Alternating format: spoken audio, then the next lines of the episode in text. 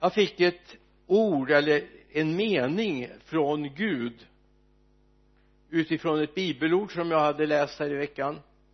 Det är Efesierbrevets tredje kapitel några versar.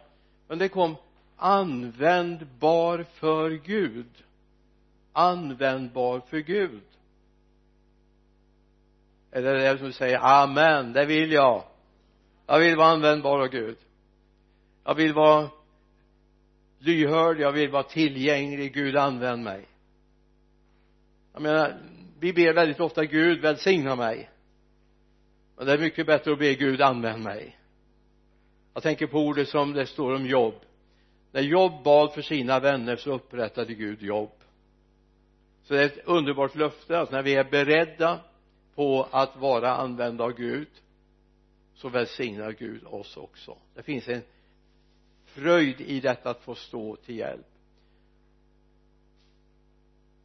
Vi ska gå till eh, Efesierbrevets tredje kapitel vers 16 jag ber att han i sin härlighets rikedom ska ge kraft och styrka åt er inre människa genom sin ande.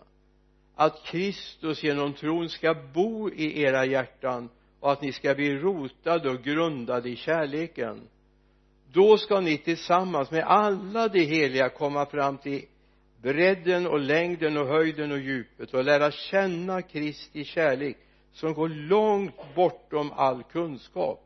Så ska ni bli helt uppfyllda av all Guds fullhet. Han som kan göra långt mycket mer än allt vi ber om eh, ber om eller tänker som genom den, genom den kraft som verkar i oss. Hans är äran i församlingen och i Kristus Jesus genom alla generationer i evigheternas evigheter. Amen. Han som kan göra långt mycket mer än det vi kan tänka eller be om. Alltså han är större än till och med din tanke. Din tanke sätter inte gräns för Gud. Din uppfinningsrikedom sätter inte gräns för Gud. Gud går utanför det. Han höjer sig över det. Och det är viktigt att se. Annars vore det ganska meningslöst att jobba, eller hur? Men Gud är större. Så det är viktigt att komma ihåg att Gud har en angelägenhet att använda dig. Att låta dig få vara en kanal för hans välsignelse, hans glädje, hans uppmuntran till människor. Han längtar efter det. Även om du känner att allt är hopplöst så hoppets Gud ger hopp och framtid för oss. Gud vill använda oss och låt oss ha det som ett signum för den här predikan idag. Gud vill använda mig. Det är inte kört. Även om du har misslyckats 57 gånger förut så finns det en ny chans hos Gud.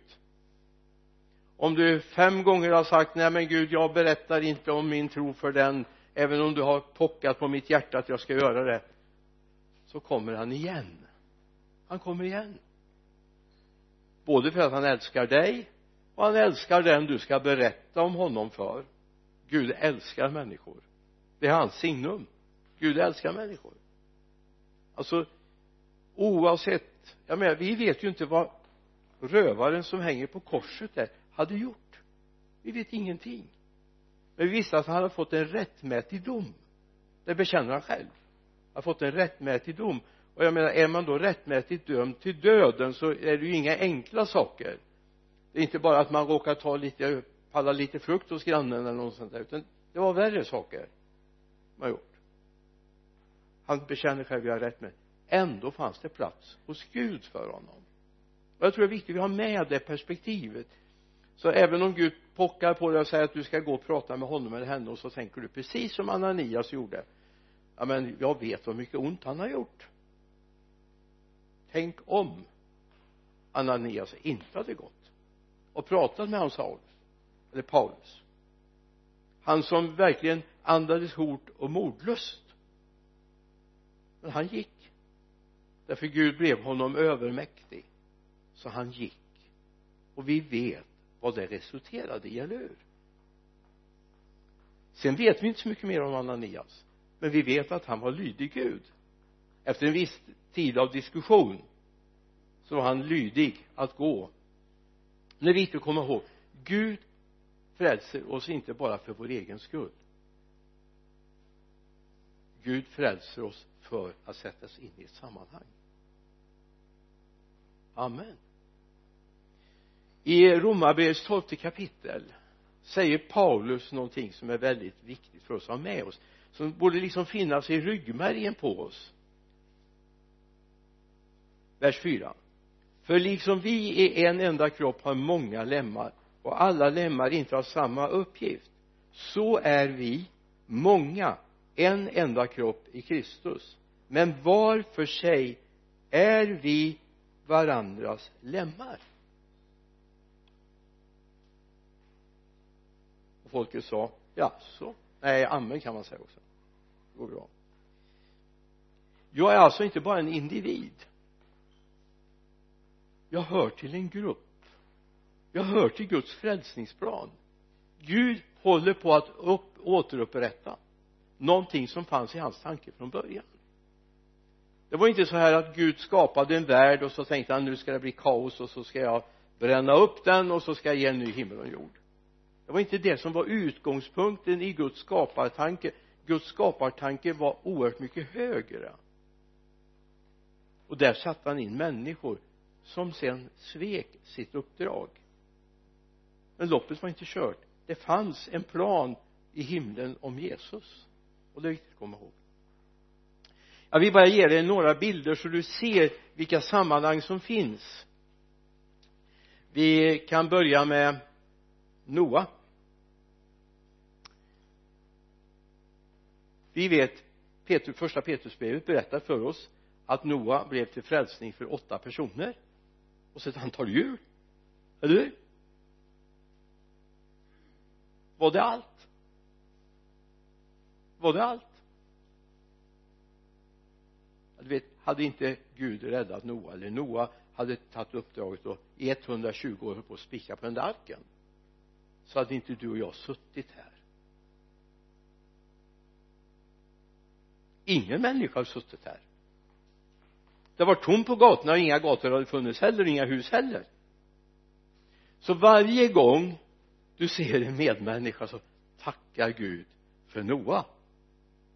Eller hur? Visst är det ganska fascinerande. Alltså det kunde ha brutits där därför synden hade kommit upp inför Guds ansikte. Han såg hur illa ställt det var. En del säger att att vattnet som steg var syndafloden. Syndafloden hade hänt tidigare. Det var bara en reningsflod som kom. Det är viktigt också att vi har klart för oss.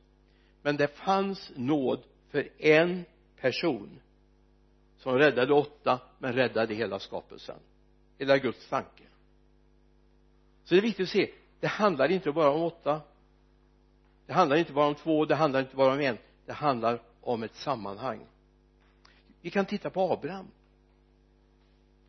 i första Moseboks tolfte kapitel så läser vi om att Abraham tar kallelsen på allvar. När han har begravt efter ett tag han har begravt pappa Teran så tar han all, kallelsen på allvar. Och så går han ut. Och så från du kan läsa de första tre verserna. Jag tänkte spara lite tid och inte läsa alla verser nu då. För, första Mosebok 12 verserna 1 till 3 kan du läsa? Då har du med det?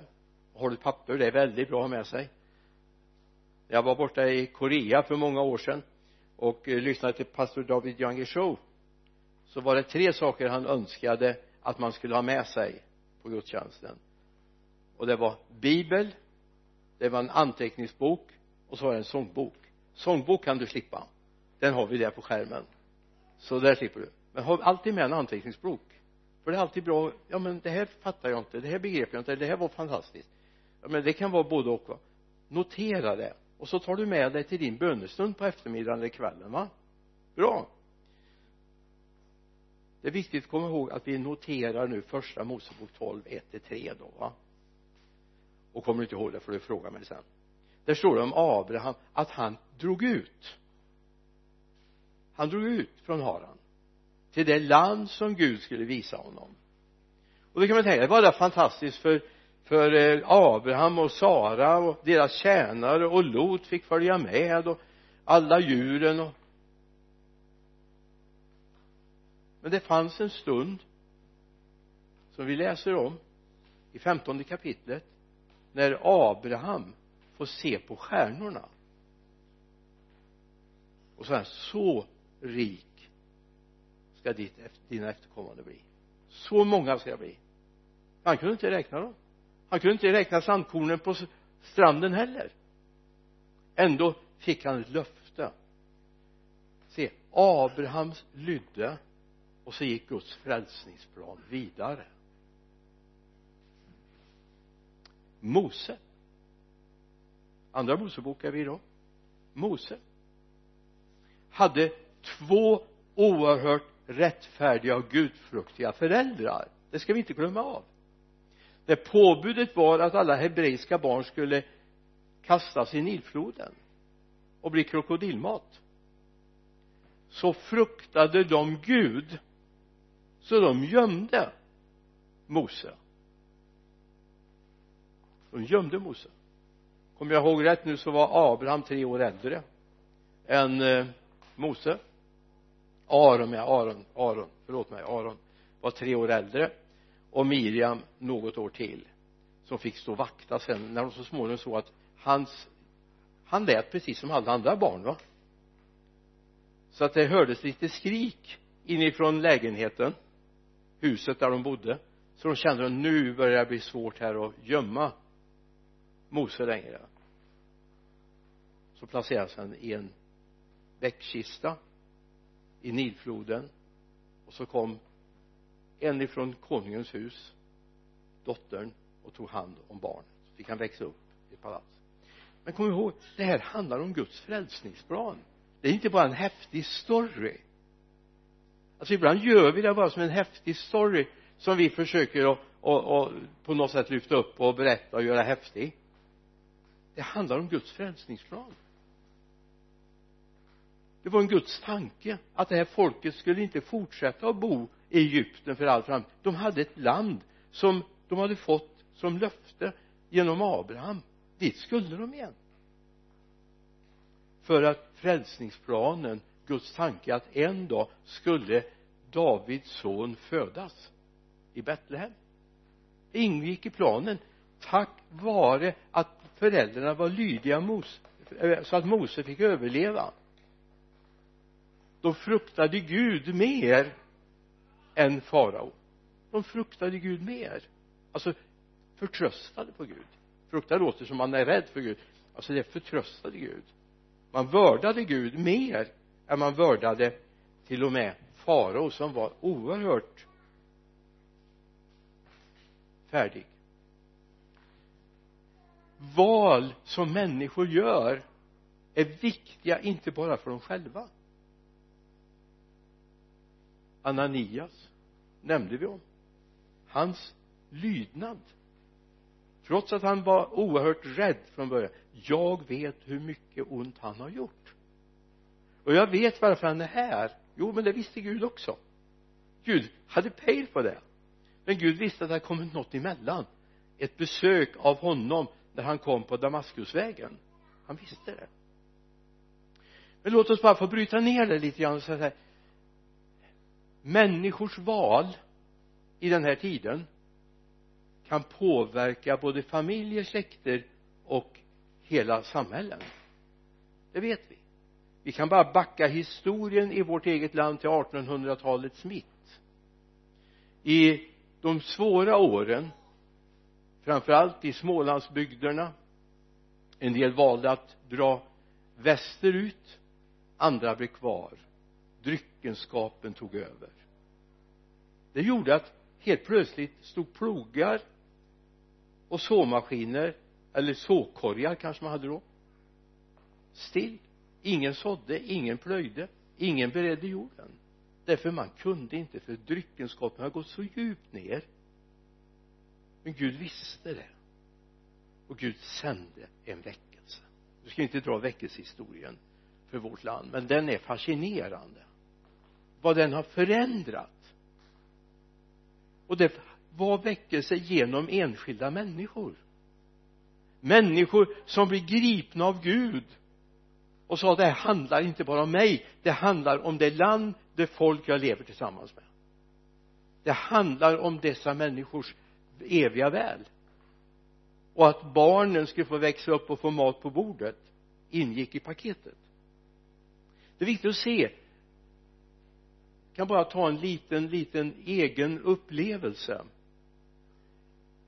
I en klass när jag gick i skolan tror jag var fjärde klass fick jag en ny klasskamrat. Lars-Erik hette han. Det var på den tiden alla hade dubbelnamn vet du. Sånt som borde vara straff, straffbart. I all synnerhet om det är alltså bindestreck emellan. Han var jättegod. Han ville alltid vara med mig. När vi gick hem från skolan så han kan vi hitta på någonting idag? Underförstått kan jag få följa med hem till dig? För då visste han att det fanns lite mat på bordet när jag kom hem från skolan. Jag fattade ingenting utan jag bara tänkte ja men det är klart. Jag tycker det var roligt. Det är alltid roligt att ha kompisar, eller hur? Han var jättetrevlig och vi hade jätteroligt tillsammans. Allt vi gjorde tyckte inte pappa om men det var en annan sak. Men vi hade roligt i alla fall. En dag skulle vi ha med oss några grejer hemifrån det var enda gången jag följde med hem till honom. Och jag fick stanna i farstun i huset. När jag tittade in fanns det inte ett köksbord. Det fanns inga köksstolar. Det fanns inga möbler. Det var helt tomt. Det var några madrasser i ett hörn. Så jag var tvungen att fråga Lars-Erik när vi gick därifrån. Lars-Erik vad varför har ni det så? Jag vet ju att pappa har jobb. Din pappa har jobb. Då berättade han storyn. Alkoholismen hade gripit tag. För att pappa skulle få råd att köpa för sitt missbruk hade det sålts av den ena möbeln efter den andra. Så tänkte jag så här människors val påverkar inte bara dem själva påverkar omgivningen. Det här har präglat mig och mitt tänkande genom livet det här jag fick uppleva när jag gick i fjärde klass. Och jag tänkte. jag kan inte ändra alla människor men jag kan försöka göra det bättre för människor. Om de vill ha hjälp så vill jag finnas till hands därför när Jesus flyttade in här så flyttade inte bara en egoistisk ande in utan det flyttade in någonting av kärlek och omtanke om människor som finns i min samtid. Det är Jesu ande det här att bara vilja ha och bara gå fram för att få förbön för att bli mer välsignad? Nej. Jag vill bli välsignad för att kunna välsigna. Jag vill bli uppmuntrad för att kunna uppmuntra. Jag vill bli styrkt för att kunna styrka människor. Gud vill använda dig och mig. Precis som vi ser exemplen i gamla testamentet eller i nya testamentet. Vi vet vad Gud gjorde i Petrus liv som hade misslyckats förnekat den han hade följt i tre år. Stod skyldig grät bitterligen. Ändå reser Gud upp honom. Och vad är hälsningen från Jesus genom hans medsyskon i gemenskapen. Hälsa särskilt Petrus. Därför Gud hade en plan för Petrus liv låt mig bara få stanna upp lite grann och säga så här vad har Gud för någon plan för dig? Vad är tanken med ditt liv? Är det att du ska bli mer uppumpad av andlighet? Eller att du ska få bli en kanal som flödar? Vad är det Gud vill med ditt liv? Vad är tanken? Ja men vi kan klaga på mycket och tycka att vi har ont här och det är besvärligt men Gud har en plan för våra liv. Det är inte så att du ska producera kraften utan Gud vill låta den få flöda igenom dig. Mer än du kan tänka eller ens be om kan Gud göra genom dig. Yes. Tänk att Gud kan gå utöver dina tankar och vad du ber om tänk att Gud kan lyfta dig till ett högre plan. Så att du ser att Gud har satt in dig i ett sammanhang. Gud vill ha dig där. Gud älskar dig. Men Gud älskar också dina medvandrare. De du möter dagligen vill Gud välsigna. Visst i romarbrevets femte kapitel vers 1 och 2 så heter det när vi nu har förklarats rättfärdiga av tro har vi frid med Gud genom vår Herre Jesus Kristus. Genom honom har vi också tillträde till den nåd som vi nu står i. Och vi gläder oss i hoppet om Guds härlighet. Ta de två verserna. Memorera resten av veckan nu som kommer på de verserna. Se vad du har, Gud har gett dig. Vad Gud har gett vad Gud har gett dig. Du är inte fattig, du är rik. Om du låter Gud få ta över i ditt liv så är du rik. Det är viktigt att du ser det. Du är rik i honom därför Gud har plats för dig. Men Gud har också plats för människor i din omgivning.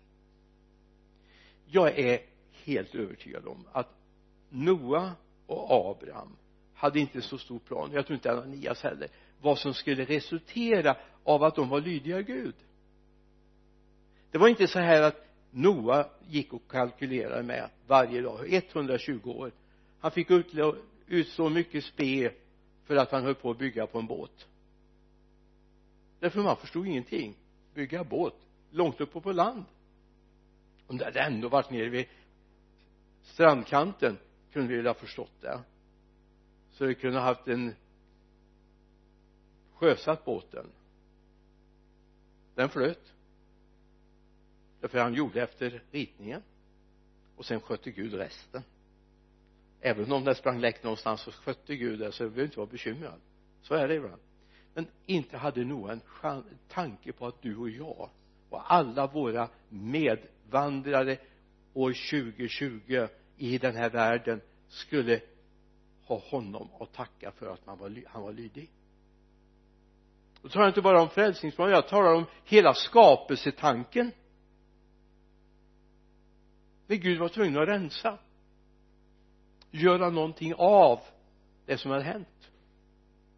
Eller när Abraham du vet han är själva embryot till judafolket.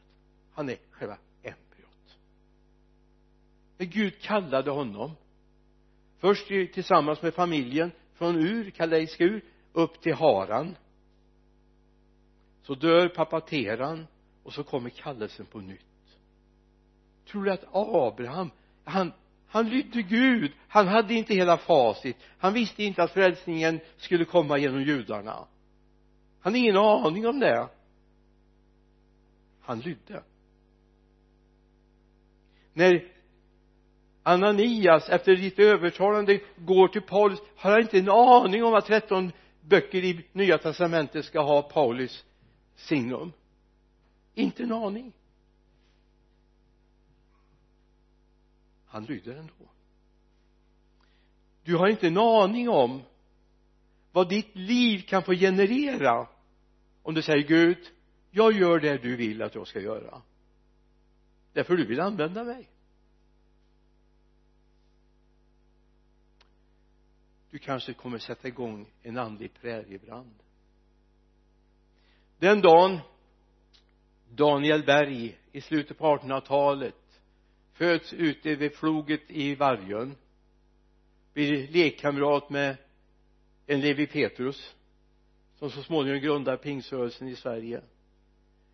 Daniel Berg kommer till Sydamerika. Han och Gustav Wingren förkunnar Guds ord där idag är det 30 miljoner i den kyrkan som de grundade. Idag finns det 30 miljoner i den.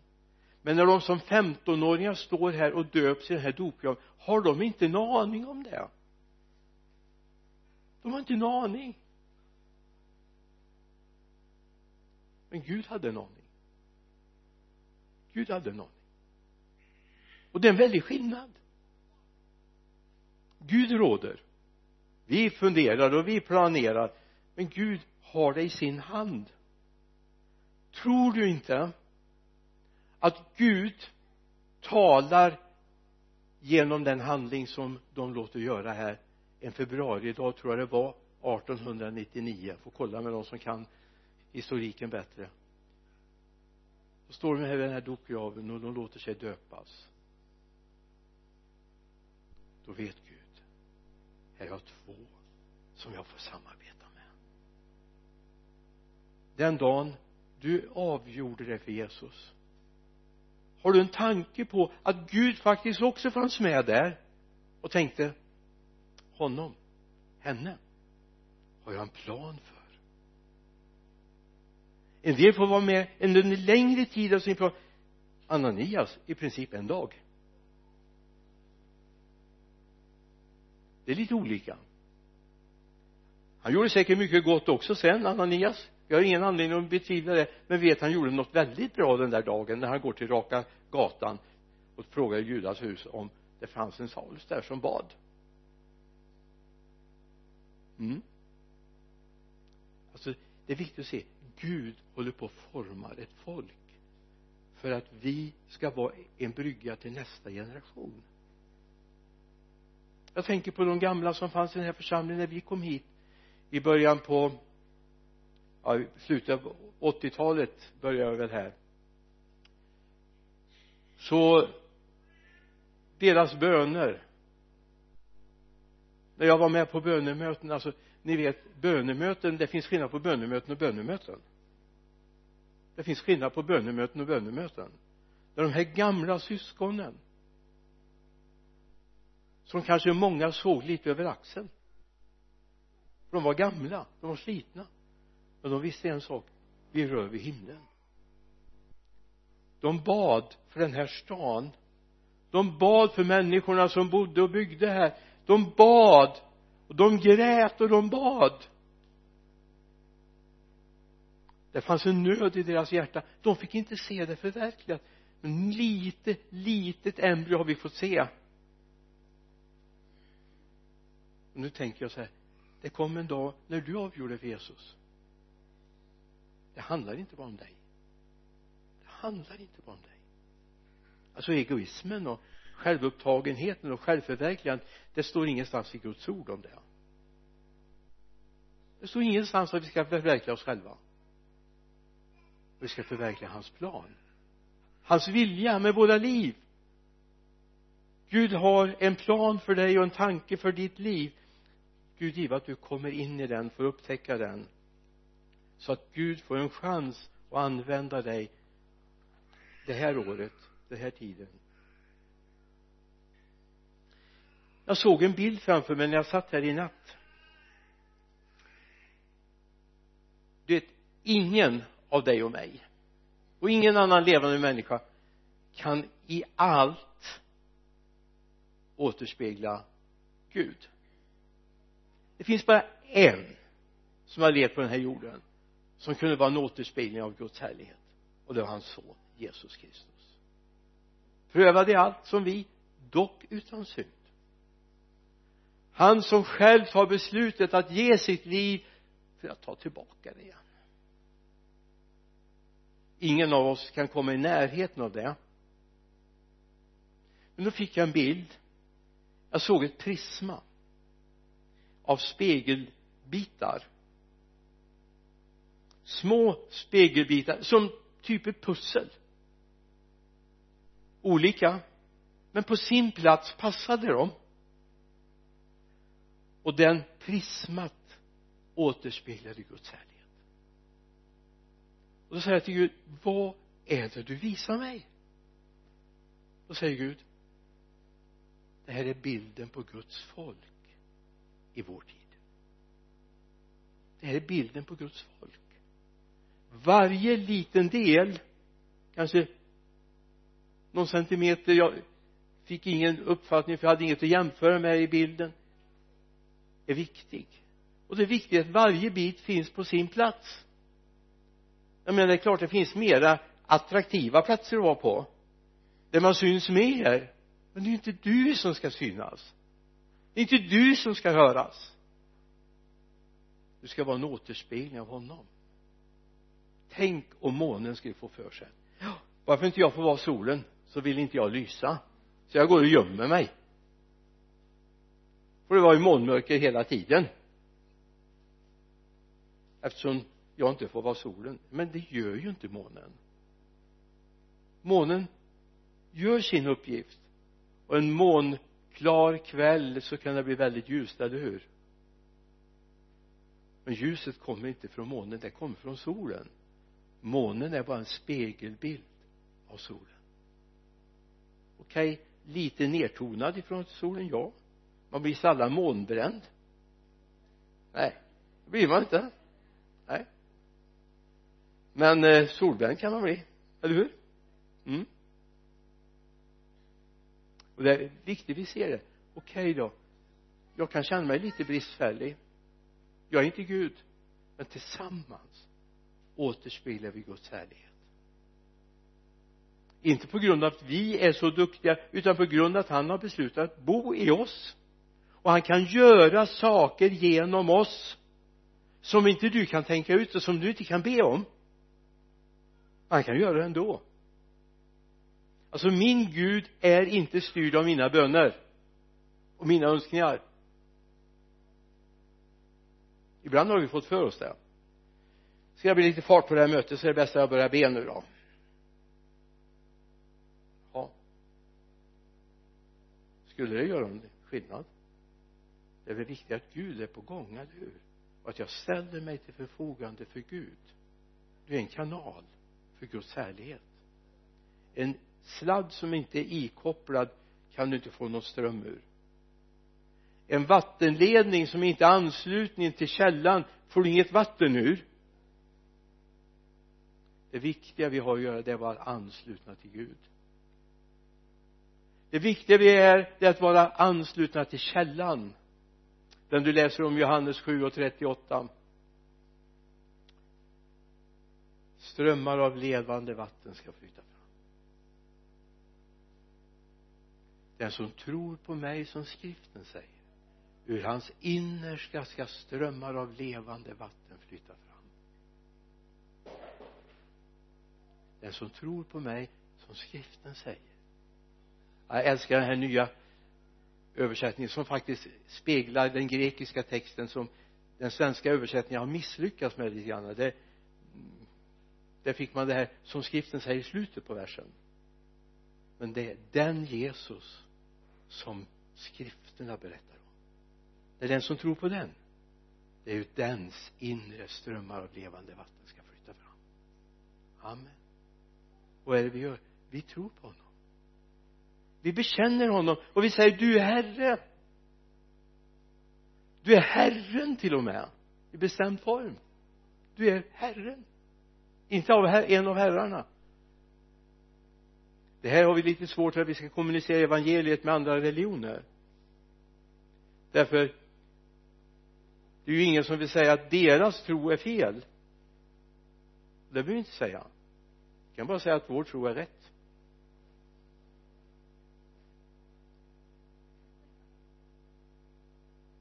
Det hängde inte med riktigt. Det är viktigt att vara användbar för Gud. Gud vill använda oss. Du vet redan innan du vaknade i morse så hade Gud tänkt att tänk vad ska jag få använda honom till? Vad ska jag få använda henne till? Gud är mer intresserad av det du ska göra än vad du är själv. Gud är mer intresserad av att flöda genom dig än vad du tänker på själv. Du får vara här och flöda för hans skull. Och det är viktigt att se det i Johannes evangeliet femtonde kapitel står det en oerhört viktig sanning. Ni vers 16 ni har inte utvalt mig utan jag har utvalt er och bestämt er till att gå ut och bära frukt. Och en frukt och er frukt ska bestå. Då ska fadern ge er vad ni än ber honom om i mitt namn och detta befaller jag er att ni ska älska varandra. Amen. Ni har inte utvalt mig utan jag har utvalt er. Så den dagen du öppnade ditt hjärta för Jesus så var det på grund av att han har kallat dig. Han har uppenbarat sig för dig. Någonstans fick du klart för att det fanns en Gud att vända sig mot.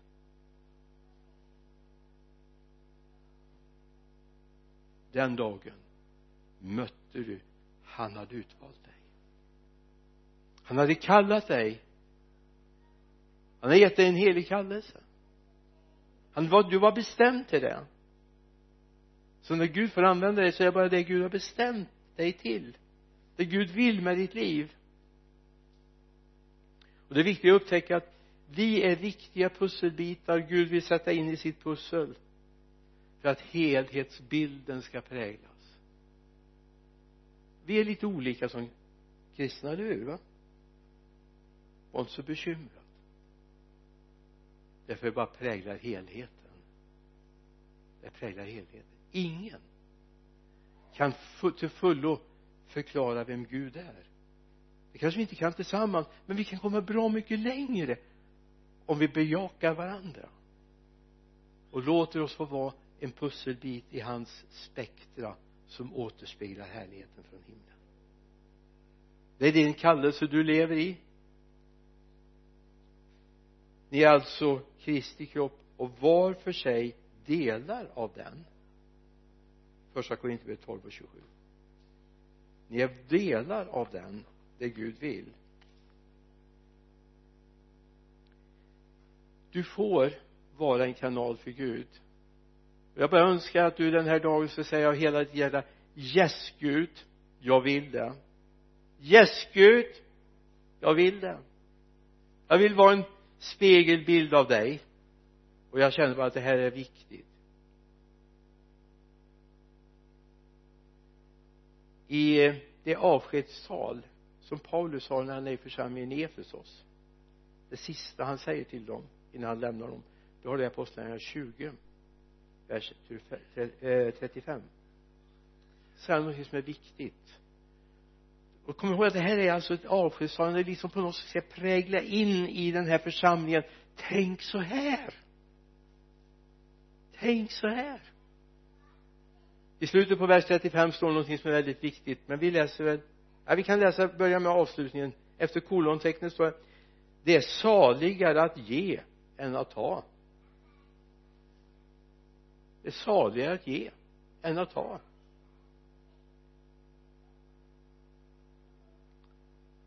Du kan läsa resten av versen själv hemma. Du hade ju papper och penna med dig så du skriver upp den.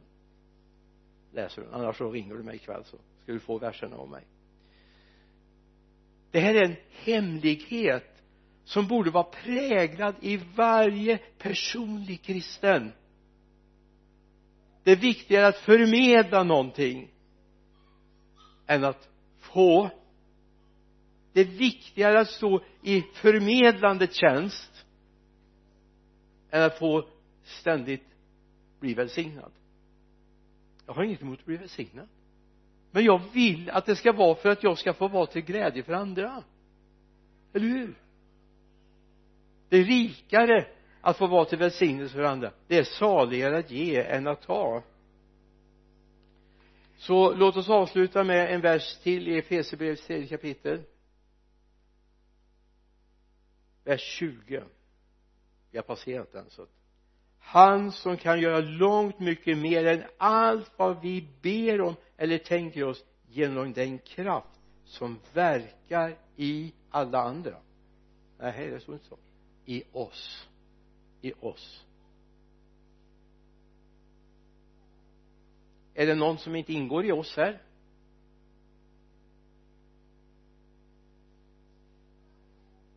Jag tror du ingår. Eller hur? Jag hoppas du säga ditt ja och amen till det. Jag ingår i det. Jag ingår i det. Jag är ett, en del i oss va? Det är viktigt. Och till sist ett ord ifrån Jesaja boken 6 sjätte kapitel. En vers som jag skulle vilja att du tar hem och funderar över. Och fråga dig om inte den frågan har kommit till dig också.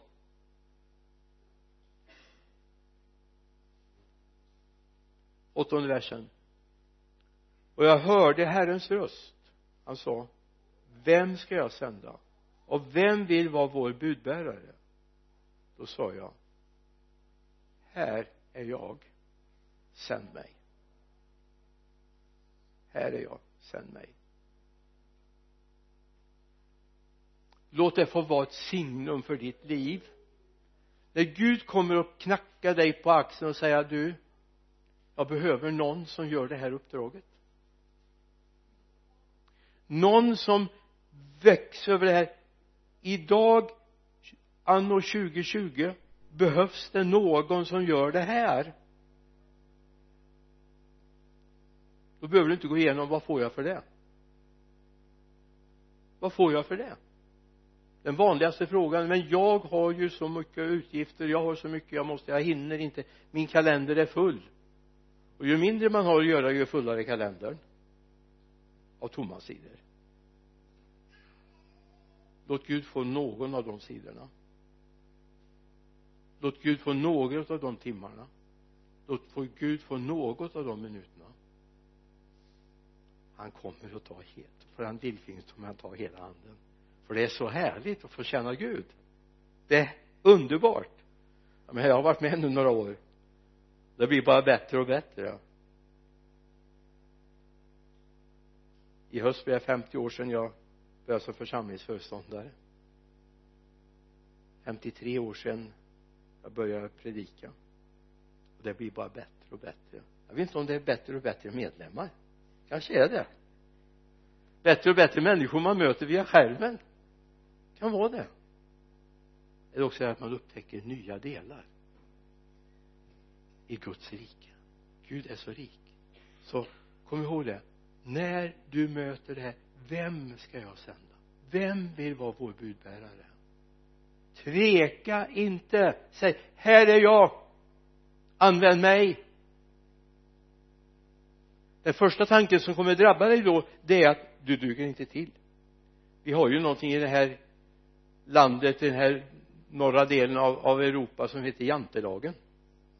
Någon annan kan säkert göra det bättre. Troligtvis. Men så har Gud valt dig och det är ju han som ska göra det, inte du alltså om det handlar om att vi ska göra det bättre eller sämre och då är ju inte vi aktuella överhuvudtaget. Det finns alltid de som är bättre, eller hur? Men har Gud bett oss så säger vi ja, eller hur? Amen. Ska vi be tillsammans? Far jag bara tackar dig för att lyfta det här inför dig den här förmiddagsstunden far. Herre tack för att du längtar och du bara kallar på oss. Du vill att vi ska förstå att det är inte vi som är själva målet utan det är upprättelsen av ditt rike i den här världen som är målet för att du vill använda oss fader. Herre jag tackar dig för att det handlar inte om hur mycket vi ska bli välsignade utan hur mycket vi ska få vara till välsignelse för människor i vår tid. Herre låt våra händer, våra fötter, vår mun, vårt hjärta herre få vara fyllt av detta att vi vill sträcka oss mot våra medvandrare. Att vi vill gör, gå en ytterligare mil för dem att vi vill tala om ditt rike fader.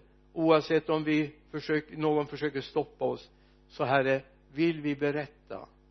Och vi vill göra det tillsammans med dig. Amen amen.